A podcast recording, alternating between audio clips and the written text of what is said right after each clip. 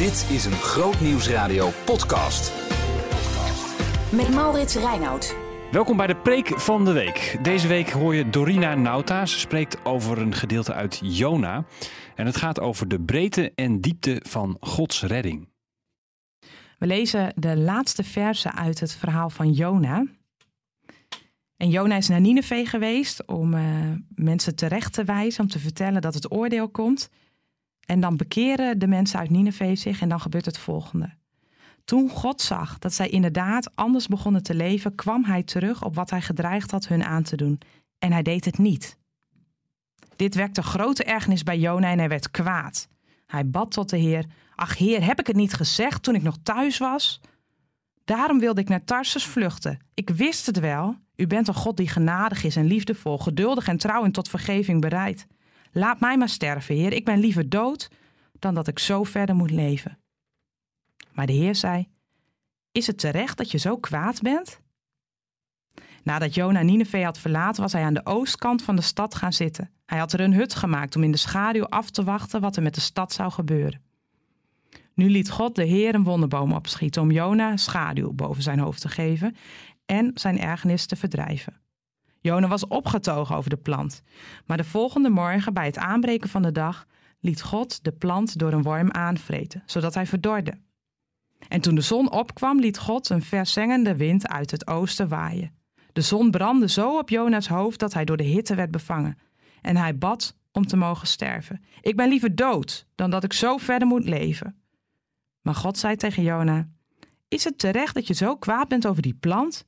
En Jona antwoordde: Ik ben verschrikkelijk kwaad en terecht. En toen zei de Heer: Als jij al verdriet hebt om die wonderboom, waar je geen enkele moeite voor hebt hoeven doen en die je niet hebt laten groeien, een plant die in één nacht opkwam en in één nacht weer verging, zou ik dan geen verdriet hebben om Nineveh, die grote stad, waar meer dan 120.000 mensen wonen die het verschil tussen links en rechts niet eens kennen?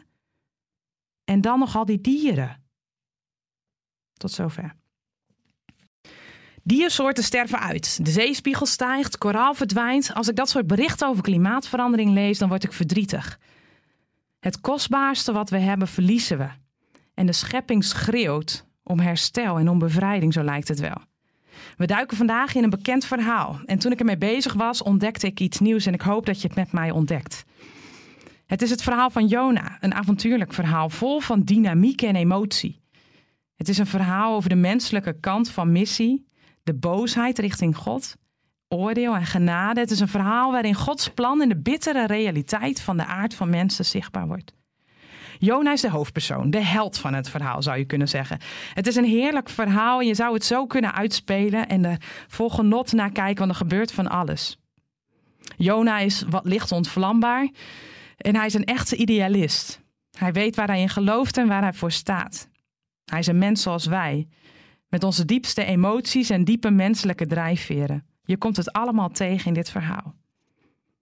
En God roept dan Jona op om naar Nineveh te gaan, de hoofdstad van het Assyrische Rijk. Een heidense stad waar de meest gruwelijke dingen gebeuren. Een volk wat voortdurend op zoek was naar oorlog en bezig met vreselijke dingen die het daglicht niet kunnen verdragen. Je zou het in onze tijd kunnen vergelijken met ISIS. Deze mensen en dieren zijn kostbaar in Gods ogen.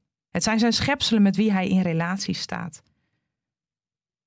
En aan het eind van het verhaal dan lezen we waarom Jona eigenlijk niet wil. Dan zegt, Jona, dan zegt Jona, ik wist het wel, u bent genadig en liefdevol, u bent geduldig en trouw en tot vergeving bereid. Jona dacht het al wel, dat God Nineveh zou sparen. Hij weet hoe God is. God zou door de vingers kijken. Hij zou over zijn hart strijken en hij zou het ze vergeven. En daarom wilde hij juist niet gaan. Dit volk wat zijn eigen volk zoveel had aangedaan. Dit volk wat het daglicht niet kan verdragen. Zij verdienen Gods genade niet. Jona voert dan ook de opdracht vrij minimaal uit. Tussen de regels door lees je dat hij schoorvoetend gaat en dat hij geen zin heeft om te doen wat God van hem vraagt na een aantal keer gaat hij uiteindelijk toch. God moest een paar keer vragen en hij heeft natuurlijk in de walvis gezeten. En uiteindelijk gaat hij dan toch maar met flinke tegenzin die kant op. Hij is gehoorzaam, maar wel op zijn manier. En daaruit zien we dat Jona een heel gewoon iemand is. Het is geen hyper de piep evangelist of iemand die het allemaal keurig voor elkaar heeft. Maar Jona is iemand met gewone menselijke emoties. En hij gaat de stad in. Volgens dit verhaal een stad ter grootte van drie dagreizen. Hij neemt de moeite en loopt maar liefst één dagreis de stad in. Zo minimaal maakt hij zich ervan af. En hij houdt daar de kortste preek alle tijden. Nog veertig dagen, dan wordt Nineveh weggevaagd. Jona maakt zich er minimaal van af. Hij noemt niet eens de naam van God en hij rent zo snel mogelijk de stad weer uit. Klaar, opdracht voltooid. Missie geslaagd. Een kleine handeling van Jona met een enorm resultaat. Wat blijkt? De inwoners van Nineveh gaan vasten. En er komt nog een schepje bovenop. De koning doet zijn koningsmantel af en doet een boetekleed om en hij gaat rouwen. Nog een schepje erbovenop. Hij laat in Nineveh omroepen dat iedereen moet vasten en moet rouwen. Zelfs de dieren.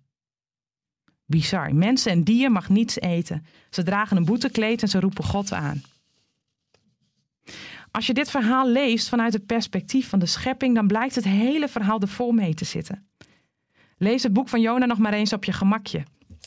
En dan zul je zien dat het vol met natuurelementen zit. De beleidenis van Jona aan het begin, dat hij gelooft in God die de hemel en de aarde gemaakt heeft tijdens de storm. De vis die Jona opslokt, het strand, de dieren die zelfs meevasten, de zon die schijnt als Jona de stad uittrekt en op een gemakje gaat kijken hoe de stad ten onder gaat. De boom die God laat groeien, zodat Jona in de schaduw kan zitten. De worm die de boom aanvreet. En God die zich druk maakt over het heil van deze mensen. En dan nog al die dieren. God gebruikt zijn schepping om dingen te leren. En hij spreekt er dwars doorheen. De schepping kan Gods manier zijn om tot ons te spreken, zoals hij dat hier doet tegen Jona. In de oneindigheid van het heelal laat hij zien dat hij het begin en het einde is. In de diversiteit van alle dieren wordt Gods creativiteit zichtbaar. In de bergen wordt zijn grootheid tastbaar. En in het ontstaan van nieuw leven wordt zijn leven geopenbaard. In de natuurrampen zien we zijn verdriet over hoe we met de aarde omgaan. Hoor jij God spreken door zijn schepping in je eigen leven? En daarvoor is stilte en rust nodig. Om het tjilpen van de vogels te horen, om die prachtige boom in bloei te zien staan. God spreekt via een boom tegen Jona. Want Jona is boos. En God vraagt aan Jona: Is het terecht dat je zo kwaad bent? En met een klein voorbeeld gaat God in op de emoties van zijn boosheid, op zijn gevoelens van boosheid. En het lijkt erop dat Jona wat licht ontvlambaar is, want ook als die boom dan de volgende dag weer verdwijnt, wordt Jona opnieuw boos. En meteen roept hij: Laat mij maar sterven. En die boosheid neemt God serieus. Ik snap dat je boos bent, zegt God. Maar hij zet die boosheid van Jona in een groter perspectief. Hij plaatst het binnen het grote verhaal van God met deze wereld. God zegt in feite dit: Jona, ik heb Nineveh laten groeien. Je begrijpt het misschien niet. Het is misschien voor jou de bron van onheil en van kwaad. Maar ik heb het geschapen, ik heb er moeite voor gedaan en ik maak me druk over hun hel. God maakt zich druk over die 120.000 mensen. Maar dat niet alleen. Hij maakt zich druk over die dieren. Het zijn de allerlaatste woorden in dit verhaal. Is het je ooit opgevallen, dat laatste vers, die laatste woorden? Dat God aan Jona vraagt, een, retorische vraag. En dan nog al die dieren. Want de redding van Nineveh telt niet alleen voor de mensen, maar ook voor de dieren. God bekommert zich ook over die andere schepselen. Mensen en dier zijn lotgenoten. En ook beide deel van Gods genade. Gods beloften zijn dus niet alleen voor mensen, maar ook voor de natuur. En dat zie je in de hele Bijbel. Als het in Romeinen 8 gaat over Gods verlossing en het zuchten van de schepping. Als het gaat over die bekende tekst, misschien ken je, wat al zo lief had God de mens. Nee, de wereld. God had lief de, wereld. Of bij Noach, de zondvloed. God sluit een verbond met Noach, met de mensheid en met de dieren. Met de belofte dat hij de aarde nooit meer onder water zal laten lopen. De foto en de groet die we aan het begin gehoord hebben. Onze hulp en onze verwachting is in de naam van de Heer die de hemel en de aarde gemaakt heeft. Gods genade telt voor de hele schepping. Redding gaat dus niet alleen over herstel tussen God en mensen, maar redding gaat over herstel tussen God en de wereld. En tegelijk laten de grote ecologische problemen zien dat we op een andere manier met de aarde om moeten gaan.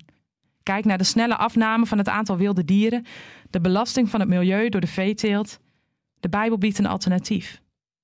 Mensen zijn een onderdeel van een groter geheel. grote geheel van de schepping. Dieren zijn medeschepselen, geen dingen of productiemiddelen. En zorg voor de schepping is onderdeel van onze aanbidding. Het herstel van de aarde met al haar inwoners is onderdeel van het koninkrijk van God.